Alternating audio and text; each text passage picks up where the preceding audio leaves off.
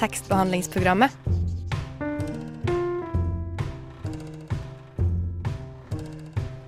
Tekstbehandling på radio.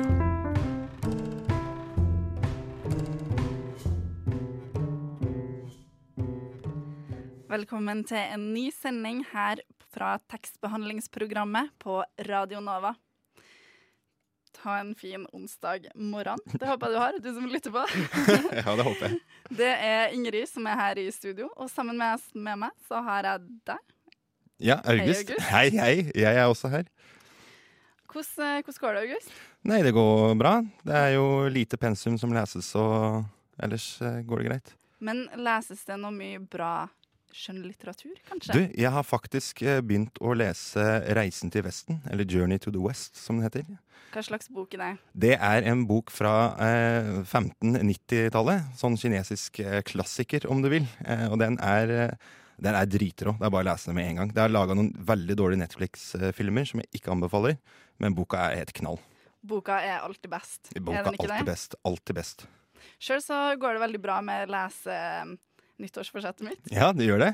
Jeg har tenkt å lese to bøker i måneden, og hittil i år så har jeg lest fem bøker. Å, jæklar. Det er ganske bra. Og en av bøkene er boka til den forfatteren vi snart skal få på besøk.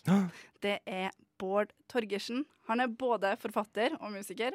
Han er kjent under pseudonymet Lord Bård fra bandet Nemlig Hemmelig. Det er bra navn. Ja, ja, kjempebra. Og Masters of Mø fra 80- og 90-tallet.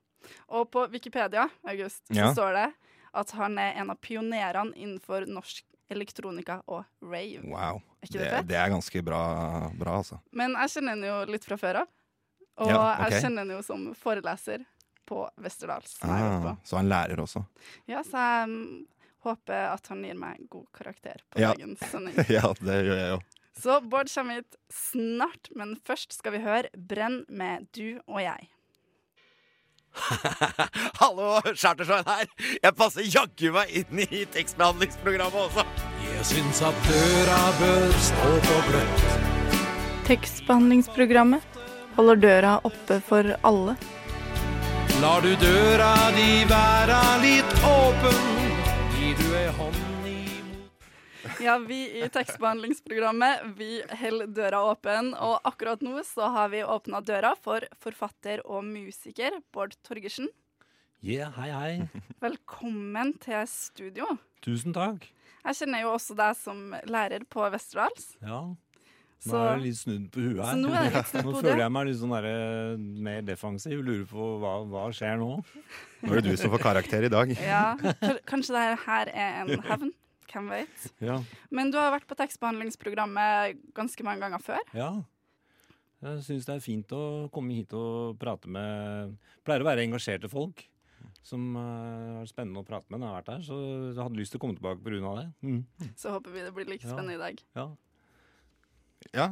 Eh, hvordan eh, vil du selv beskrive den nye boka di? For de lytterne som enda ikke har hørt om den. Si. Da er boka 'Lengter, knuser, slår'. Den er egentlig veldig mye det tittelen sier. Den, jeg føler at den tittelen er veldig sånn oppsummerende på eh, følelsen i boka. At, eh, at den inneholder både lengsler, det å knuse og det å slå. Eh, men det er jo en bok som er satt til en annen tid enn nå, sånn 70-, 80- og 90-tallet, som handler om eh, en ung fyr som blir en ung mann og litt eldre, litt eldre mann, som eh, kommer fra en drabantby som heter Rykkinn i Bærum, rett utafor Oslo, og som eh, blir en del av skal si, sånn motkulturell, også etter hvert sånn kriminelt miljø i både den drabantbyen og i Oslo. Så det er en uh, vennskap-kjærlighetsfortelling, men også en fortelling om eh, eh, å føle seg eh, på kant med alt, og etter hvert kanskje også en hevnfortelling. Veldig spennende. Vi skal snakke enda mer om boka di, men først så har vi et segment vi kaller Fem faste i en forrykende fart. Oi, Som da er fem faste forfatterspørsmål okay. vi skal stille. Er Ja. du klar? Ja, det, det, dette var litt skummelt, men vi prøver. Da kjører vi. Fem faste i en forrykende fart. Fem faste i en forrykende fart! Ok. Hva leser du akkurat nå? akkurat nå leser jeg Jeg leser alltid mange ting på en gang. Så jeg leser den uh, nye til Høllebeck. Mm. Uh, det gjør sikkert hele Norge, men uh, i hvert fall av veldig mange forfattere. Men jeg, synes, jeg leser han egentlig mer som en sånn standup-komiker. Så jeg, jeg liker standup eh, Jeg liker standup, så jeg liker jeg, jeg, jeg syns han er kanskje verdens beste standup-komiker. Kanskje ikke så god forfatter, men god standup-komiker. Det, det leser jeg. Og så leser jeg eh, eh, venn, en, eh, en god kollega av meg som heter Den gode vennen, som kommer på oktober nå. Er, det er kanskje en av de beste bøkene jeg har lest på, på mange år. Oi, Den- så der har vi et lite tips. der har dere et tips. Ja, den, burde den burde dere ta inn og prate med han. Det er åtte år siden han kom med sin forrige roman. Han skriver sakte, men han skriver helt ekstremt knakende godt. Og det ble helt satt ut av uh, å, å, å- å lese den boka. Og så leser jeg en bok om uh, norrøn mytologi og en bok om gresk filosofi. Ah, og så leser jeg eh, masse studenttekster på Westerdals. Ja, ikke sant. Nei, så det er mange ting på en gang. Ja, ja, mm, jeg leser stort sett veldig mye. Ok, greit. Da går vi videre. Hvilken font skriver du i? Uh, eh, nei, jeg har glemt hva den heter, men jeg retter alltid til én font som den, den dølleste fonten jeg finner mens jeg lager manus. Ja. Og så skriver jeg veldig mye notater på telefonen. Jeg vet ikke hva den fonten heller, men den liker jeg ikke. Nei, Så de må jeg overføre innimellom for å få i den dølle fonten. Ja, okay. Er du litt, litt mer sånn eh, serif-type fyr? Jeg vil egentlig at fonten skal si minst mulig mens jeg skriver, da, så jeg ikke skal tenke på den. Mm. Men det verste jeg vet, er sånn der på notater sånne der, som prøver å se ut som håndskrift. Ja, å nei, uff. Ja, nei, det går ikke. Det er kjipt. Ja, ok. Hvor skriver du best? Hvor jeg skriver best. Mm. På fest. Er det sant? Nei, Ja, ja og- Nei, nei, vet du, jeg skriver veldig mye. Jeg leser mye og skriver mye, så jeg skriver egentlig overalt. Jeg skriver veldig mye på notater på telefonen. Det, men, eh, og så skriver jeg hjemme, og så skriver jeg på tog, og jeg skriver på fly. Og jeg skriver hjemme på do, i pauser og skriver. ja, ja. Så jeg, jeg skriver stort sett egentlig bra overalt, men det kommer an på hva man skal skrive. Så det, jeg har begynt å skjønne at det som jeg skriver i sånne flyktige situasjoner, blir noe annet enn det, men jeg har liksom mer tid til å trekke seg helt bort. Da. Så Ja. det blir forskjellige typer tekst av de forskjellige stedene man kan skrive. Ja, ikke sant? Skjønner. Ja. Eh, det er bra, det, altså. Skal vi se. Favorittbak Nei, bak? Favorittbok som barn? Uh, jeg elska alt av Astrid Lindgren. Ja, det gjør jeg ennå. Ja, hun Og omslaget på romanen min er inspirert av Astrid Lindgren. Ja. Jeg syns Astrid Lindgren er kanskje verdens viktigste og beste forfatter. Nei. Fordi hun eh, eh, I hvert fall for meg og min generasjon prega så mange i den litteraturen hun lagde når hun ja, Som vi ble prega av, hvor hun klarer å blande både en slags form for veldig troverdig realisme med en uh, med, med, med det helt fantastiske. Hun klarte å åpne opp for at uh, det kan finnes mirakler i verden, og det kan også finnes det motsatte av mirakler. Så jeg bare føler at uh, vi burde ha hatt flere forfattere som henne i, i Skandinavia, som kunne skrive på den måten for voksne. ja, Jeg syns det er kjipt at den typen litteratur blir eh, forbeholdt bare barn. Ja, du, absolutt. En liten fun fact. Jeg har kommet til en veldig bra film nå om uh, livet til Astrid Lindgren. Den Mm. er, uh, husker jeg ikke helt hva heter på toppen av huet, men den er veldig bra. Ok, siste spørsmål. Mm. Hvis du ikke, nå er jo du veldig mye, da, men hvis du ikke hadde vært forfatter, da hadde du Hmm. Hva hadde jeg da? Da Si det. Du er vel utdanna tømrer? Hadde du Ja, det hadde jeg i hvert fall ikke vært. Men eh, jeg, nei, jeg vet ikke, ass. Jeg tror jeg hadde hatt lyst til å jobbe med mm, Jeg tror jeg hadde hatt lyst til å jobbe med ungdom, ass. mm. På en eller annen måte. Og gjort et eller annet med Jeg liker veldig godt å være lærer og undervise, men kanskje jobbe med enda mer eh, Noen som var enda yngre. mm. Jeg tror det, det hadde- Jeg sier det. En som, en som kunne fått lov til å tjene penger på å være sammen med verdens beste mennesker. Ja. De som ikke har blitt voksne ennå, men nesten veldig snart skal bli det. Ja, ja det er, og det Og det er jo litt, eh, det er jo litt en, den aldersgruppa som er i akkurat denne romanen din også. Ja, De er vel sånn 14 til ja, ja. Men da er det så mye som skjer. Da er det så mye som skjer. Da går man fra å være barn til å bli voksen jeg mener at akkurat den perioden er så ekstremt avgjørende for hvordan mennesket blir. da. Og det er sånn blanding av uh, hybris og av selvforakt og av muligheter og ting som lukker seg, og det skjer om hverandre hele tiden. Og det kan velte i alle retninger, og det kan gå så feil og så riktig om hverandre i et, en, en kakafoni hele tiden. Sånn at det er veldig, veldig, veldig spennende tid, da. Alle de periodene i livet hvor vi går gjennom eh, skal vi si, fra en fase til en annen, er ekstremt spennende perioder. Fordi de Det er sånn som verden er nå. Det kan gå alle veier. Det kan gå jævlig dårlig, men det kan også gå jævlig bra.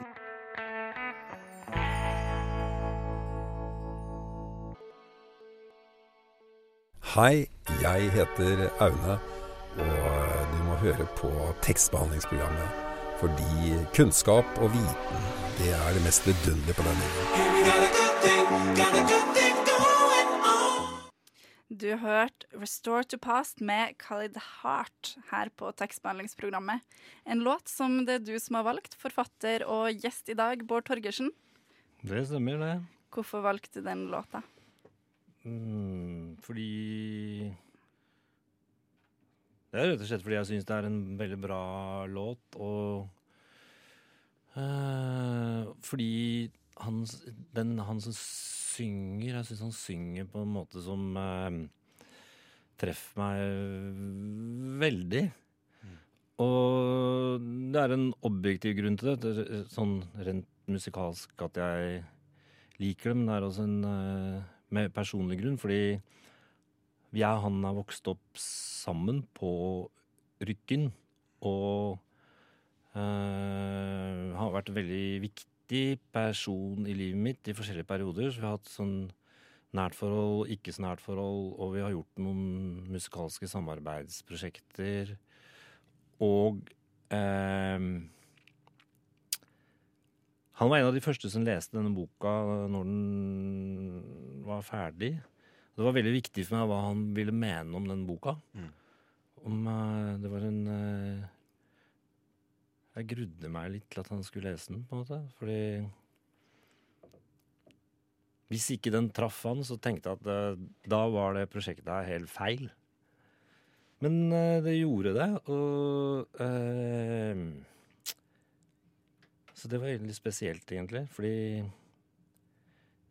ja, det, var, det har vært et veldig sånn personlig prosjekt. Da. Selv om det ikke er noen selvbiografisk bok, så er det allikevel en bok som jeg håper på en måte kan yte rettferdighet til en del av de folka som vokste opp på det stedet. Som eh, At jeg ville at den historien skulle bli fortalt, da, og at eh, det skulle uh, kjennes riktig for noen som hadde opplevd noen av de samme tingene som hadde vært på det stedet. Så Ja, og, at, og, og fordi at han er en eh, ekstremt eh, bra artist, kunstner eh, Har veldig respekt for liksom hvordan han er i verden. Da. Sånn Veldig tilstedeværende, veldig skarp, veldig følsom, veldig presis, liksom. Og kompromissløs. Han er kanskje en av de mest kompromissløse personene jeg kjenner, men allikevel veldig ydmyk, veldig han er en veldig spesiell person. Så da Jeg elsker å høre stemmen hans. Eh, Jeg føler at når jeg hører han synger, så er det liksom, liksom å komme hjem, da. Så jeg har øh, hørt den låta her i flere versjoner før den ble ferdig. Den er en sang som har fulgt meg, og han driver og lager musikk hele tiden og er, så grei at han sender meg versjoner innimellom som jeg er veld, Det betyr veldig mye for meg, de tingene han lager. Fordi Rett og slett. Du og han vokste opp sammen på Rykken, det samme stedet som den nye romanen din som du er aktuell med, 'Lengter knuser slår', Ja. er lagt til. ja. Kan du fortelle noe om hva slags miljø Rykken er? Hva slags miljø er det vi ser i boka? Uh, det, det, det er jo drabantby-miljø.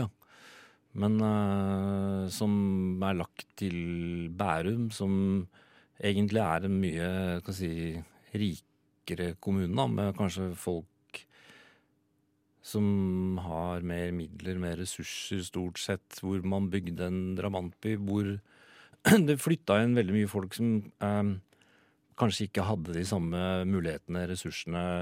Hvor det var veldig mange folk som ble kasta sammen på samme sted på samme tid, som ikke hadde noe røtter, forhold, forankring til det stedet.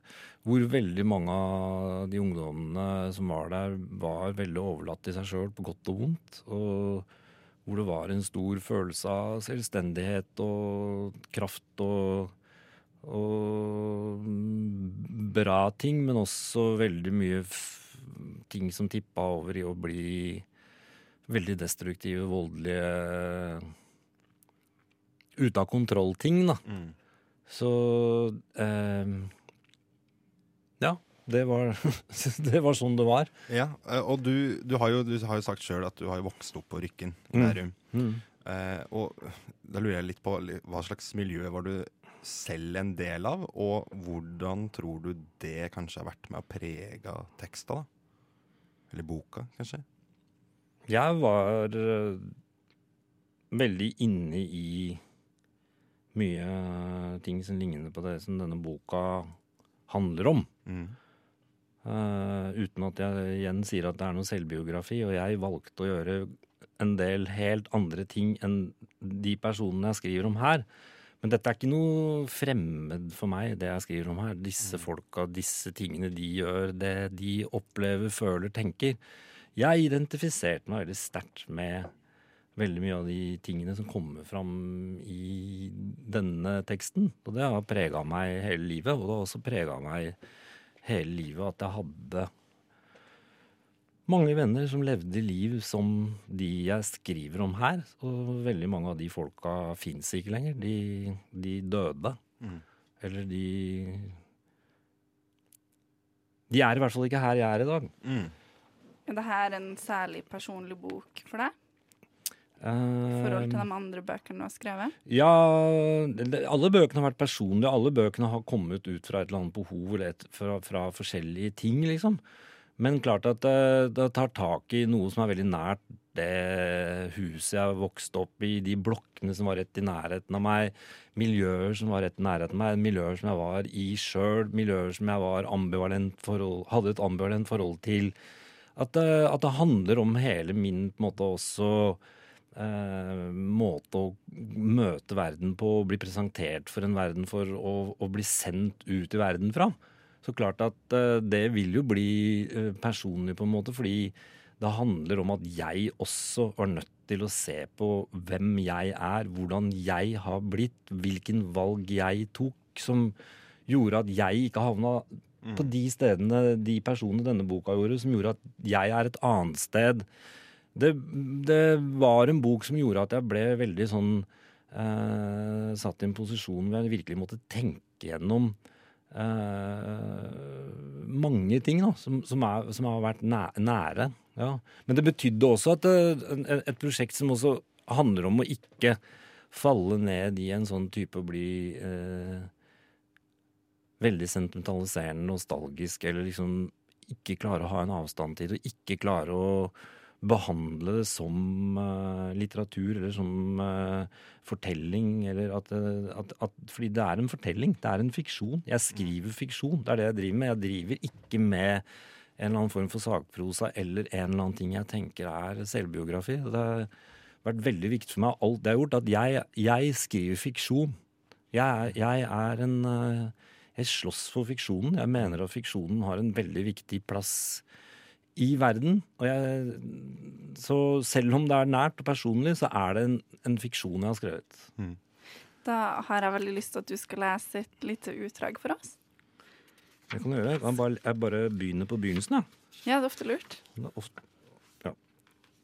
da prøver vi det. Huset på den andre siden av veien virket så fredfullt, men det var et bedrag.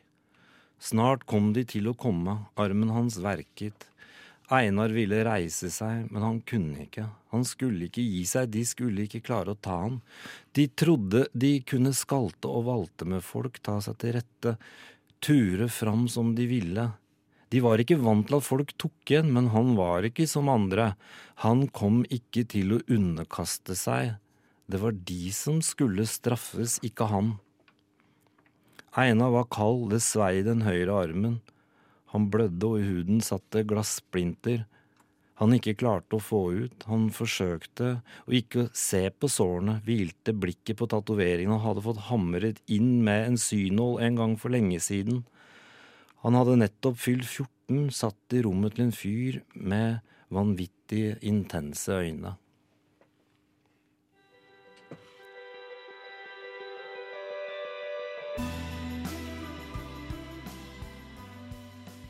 Du lytter til Radio Nova.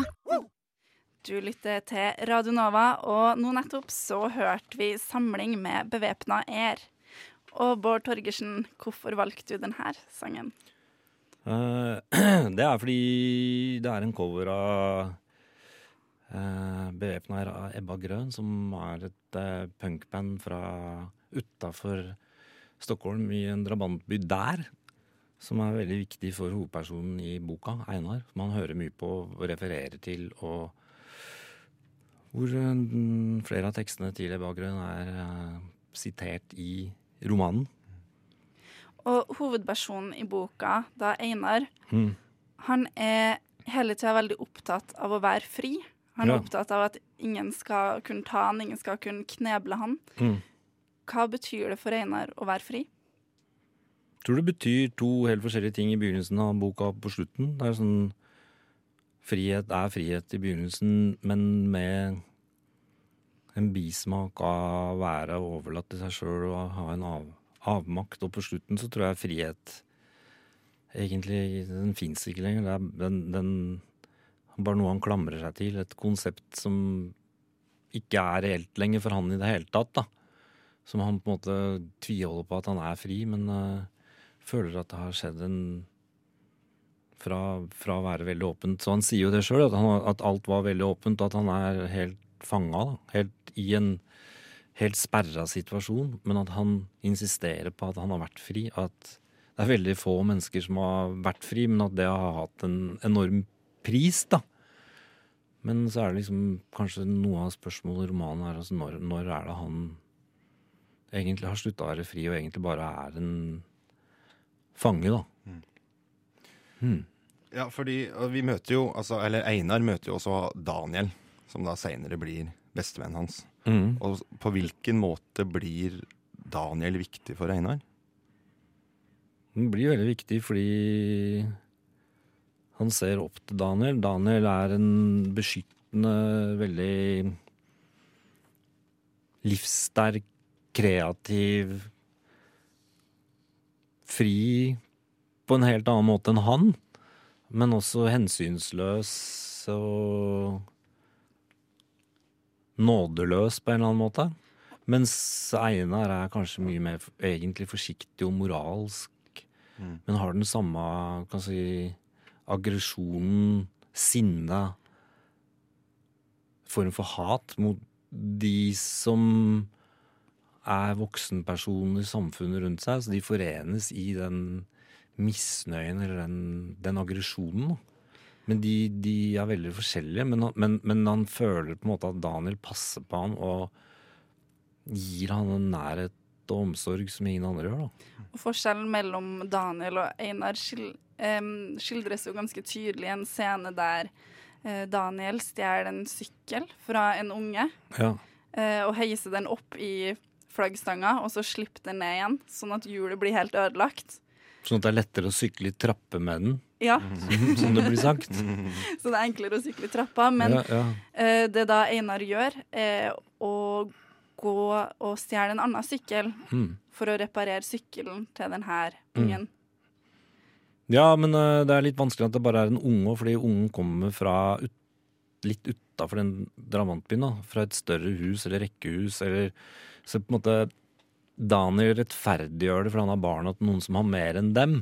Sånn at han er på en måte et legitimt mål, da. Eh, og, og at det er liksom morsomt det der med å sykle i trappene. og at det er liksom på en måte syns Einar det at det er morsomt, han òg. At det er absurd. Han elsker Daniel for å gjøre den typen ting, men han ser også at det går utover et barn. da, Som er uskyldig, som egentlig ikke kan noe for hvem han er, eller om hvilken foreldre han har, eller At han begynner liksom kanskje Det er en sånn glimt av liksom at han begynner å se liksom ja, Hvordan kan du stille et barn til ansvar for noe? Så han får lyst til å gjenopprette den balansen. Han ville aldri gjort det hvis det var en voksen person, men det, det er det at, det, det at han ser det barnet, da. Kanskje han ser seg selv litt, da. At han på en måte heller kan ikke noe for sin situasjon, og at han også skulle ønske at noen kunne komme liksom, og, og rette opp i ting for han. da. Så han tar på en måte, Det er en av de få tingene han gjør liksom, som er en sånn voksenpersons måte å agere på.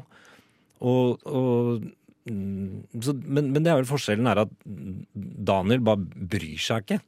At Han tenker liksom at eh, han kan bare gå hjem og få en ny sykkel. Det er ikke noe synd på han, liksom.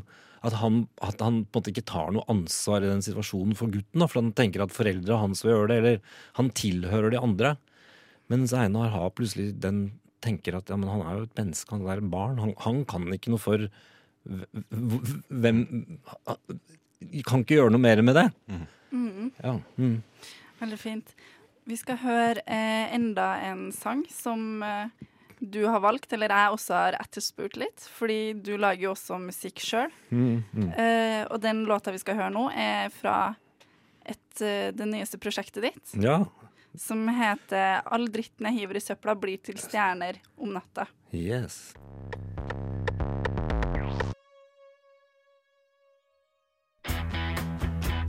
Hallo, mitt navn er Knut Nærum, og du hører på tekstbehandlingsprogrammet. Jeg går i hvert fall ut fra at du gjør det.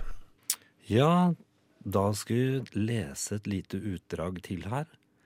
Men uh, bare forklare litt av konteksten her, fordi en uh, slags sånn nemesis for Einar er en politimann som heter Bergli. Og han kommer litt inn i det stikket her, så da prøver vi litt til. Praktisk fra side 130. Vær så god, Bård Torgersen. Takk skal du ha. Han visste frem, at han fremdeles hadde det i seg. Muligheten til å slippe alt, ikke tenke på konsekvenser. Nyte at ting knuste og gikk i stykker, ble dratt i filler. Finne styrke i smerte, lykkerus i å slå. Det var lenge siden, men det hadde ikke noe å si.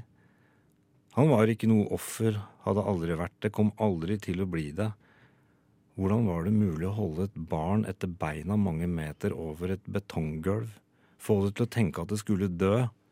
Det var det egentlige overgrepet. Det var den som hadde gjort det som burde straffes, ikke Igor, ikke Daniel. Bergli var sjuk, og han fikk betalt for å være det. Og ikke bare betalt, men skryt og forfremmelser. Tusen takk. Du lytter, hører på tekstbehandlingsprogrammet, og den som nettopp leste, var forfatter Bård Torgersen. Og Bård, Mm. hva er en forfatter? å si det. Når jeg begynte å skrive bøker, så trodde jeg jo at det å være forfatter var en som skrev bøker, liksom. Men uh, etter hvert så har jeg tenkt at jeg kan være veldig mye mer enn det, da. Og jeg har gjort veldig mange ting Gjort veldig mange forskjellige ting og lagd veldig mange forskjellige ting før jeg ble forfatter. Men øh, jo lenger jeg har vært forfatter, så har jeg tenkt at jeg kan inkorporere veldig mange av de tingene i det å være forfatter. Altså at øh, det å være forfatter egentlig handler om å jobbe med språk og jobbe med fortelling og jobbe med bilder og metaforer. Men at verktøyene for å få til det kan være veldig mye mer enn å bare jobbe med tekst som skal trykkes i bok. Da. Det kan være å lage lyd, det kan være å lese tekst, det kan være å eh, framføre tekst for et publikum med lyd. Det kan være å ta bilder til sine egne omslag. Det kan være å samarbeide med andre. Det kan, det kan egentlig inneholde alt. Og dette er vel noe som er veldig naturlig for veldig mange billedkunstnere. Billedkunstnere gjør veldig mange forskjellige ting. Og jobber med mange forskjellige uttrykk og i, i forskjellige kanaler. Og allikevel ser det på seg selv som billedkunstnere. Så egentlig så har det blitt et prosjekt for meg å prøve å utvide virkerommet til forfattere. da til å kunne inneholde veldig mye mer enn å jobbe med trykk tekst som havner i en bok.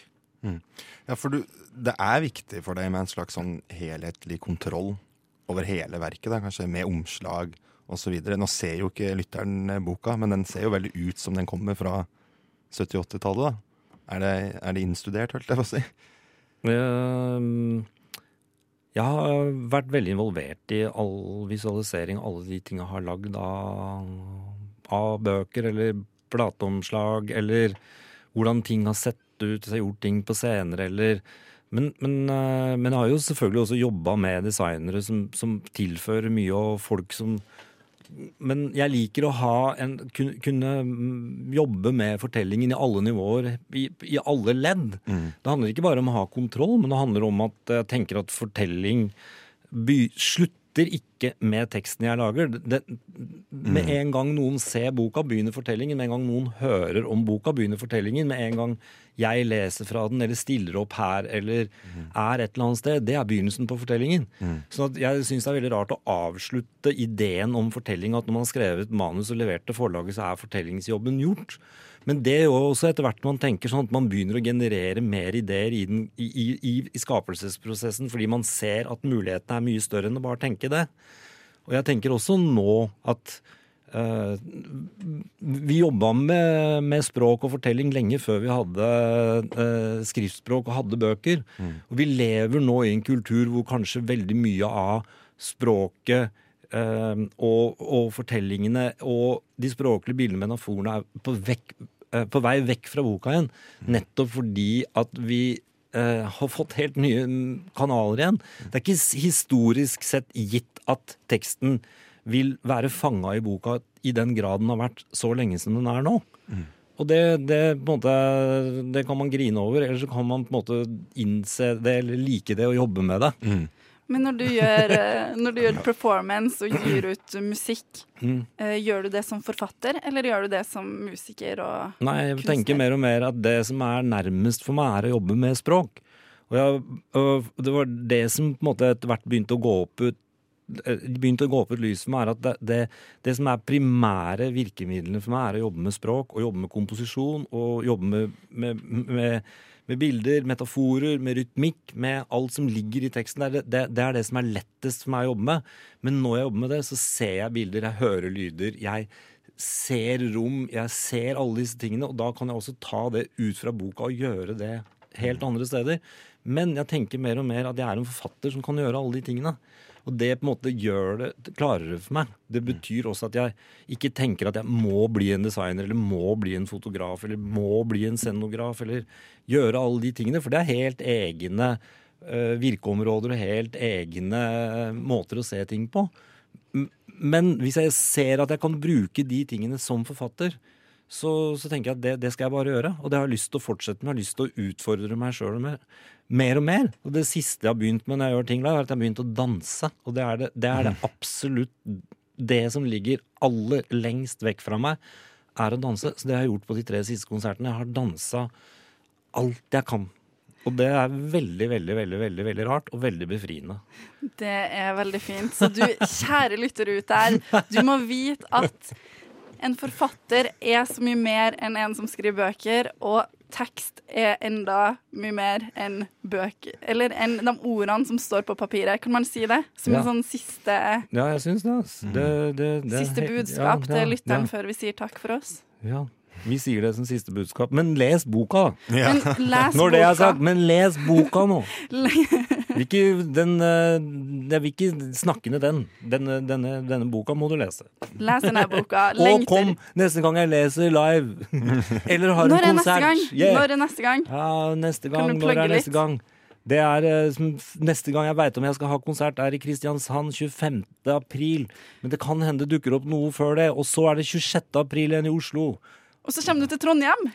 Gjør du ikke det? Gjør jeg det? Det kan godt hende. Mamma sa Bård Torgersen kommer til Trondheim. Det er noen flere som har sagt at du skal til Trondheim, men jeg vet ikke hva det er. Men jeg får rede på hva dette er for noe. Men tusen, tusen takk for at du kom til studio i dag, Bård Torgersen. Det har vært en fest å ha deg på besøk. Ja, så bra. Så Tusen takk for å være her. Ja, veldig hyggelig. Lag flere ting, så inviterer vi deg på nytt. Kult. Da ses vi, ass. Nova er best. Alle andre er tapere. Radio Nova.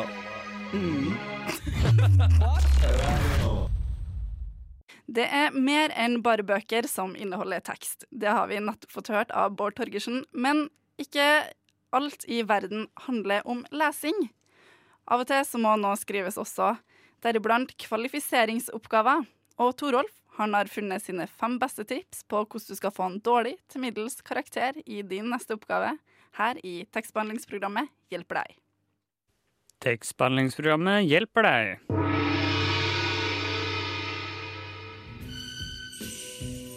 Jaså, du har fått en kvalifiseringsoppgave? Kanskje du har fått to, til og med?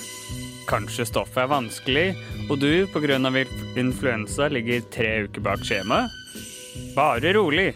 Med disse sju enkle tipsene kommer du garantert til å få en middels karakter med et middels til høyt stressnivå. Ikke pga. arbeidsmengden, men fordi du er en latsekk, og du vet det. Tips nummer én. Still alarmen din til klokken halv åtte, men snus til klokken ni. Dette vil uten tvil forvirre deg nok til at du må drikke to kopper kaffe og spise en god frokost i en times tid. Du får derfor ikke dratt på universitetet før klokken nærmer seg elleve. Perfekt! Tips nummer to. Bær alltid med deg alle bøkene dine, men for guds skyld aldri lese dem. På denne måten får du kjent på tyngden av din potensielle kunnskap. Men det faktum at du ikke leser i bøkene, vil stresse deg akkurat nok til at du ikke orker å se på dem. Tips nummer tre. Ikke jobb med oppgaven i mer enn seks timer, inkludert pauser. Ved å jobbe for lenge får du ikke utnyttet all den viktige fritiden du har. Med dette kommer en enkel huskeregel.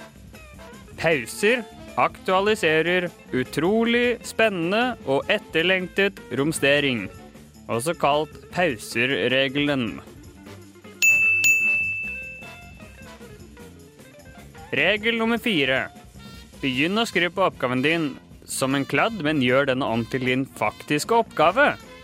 Hvis du har gjort alt rett, vil du få utrolig mye halvferdige setninger og poenger å jobbe med. Supert! Har du glemt å sette sidetall på sitater og parafrisering? Ikke noe problem. Bare finn dem i bøkene du har i sekken, og på én, to, tre timer har du et vakkert sidetall på din referanse. Hurra! Tips nummer fem. Er klokken blitt fire? Dra hjem. Du er kanskje litt sliten, og dagen din startet så brått. Dessuten har du ikke skrevet de siste 20 minuttene. Du fortjener en liten pause.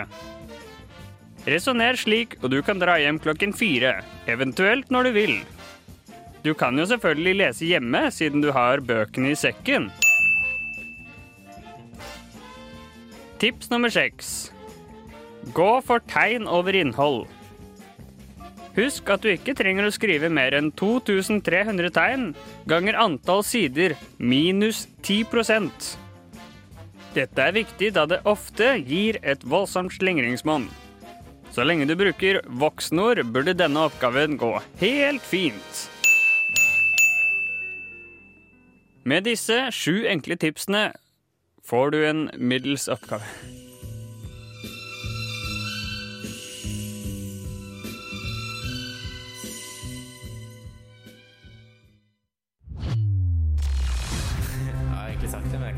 Gang til. Radio Nova. På, på, DAB og nettradio. på radionova.no.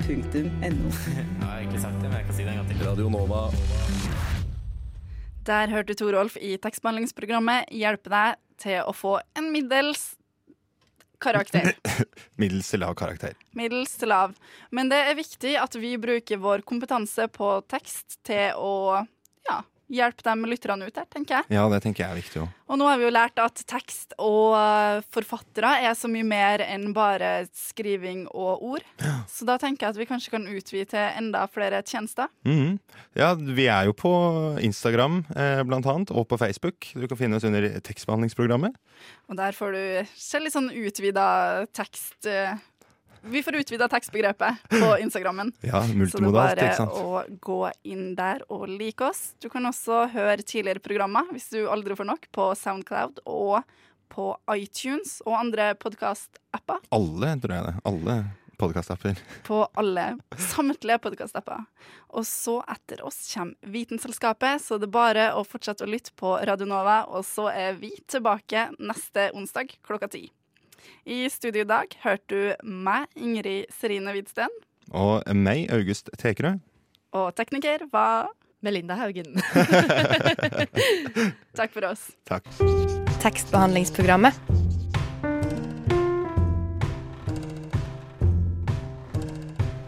Tekstbehandling på radio.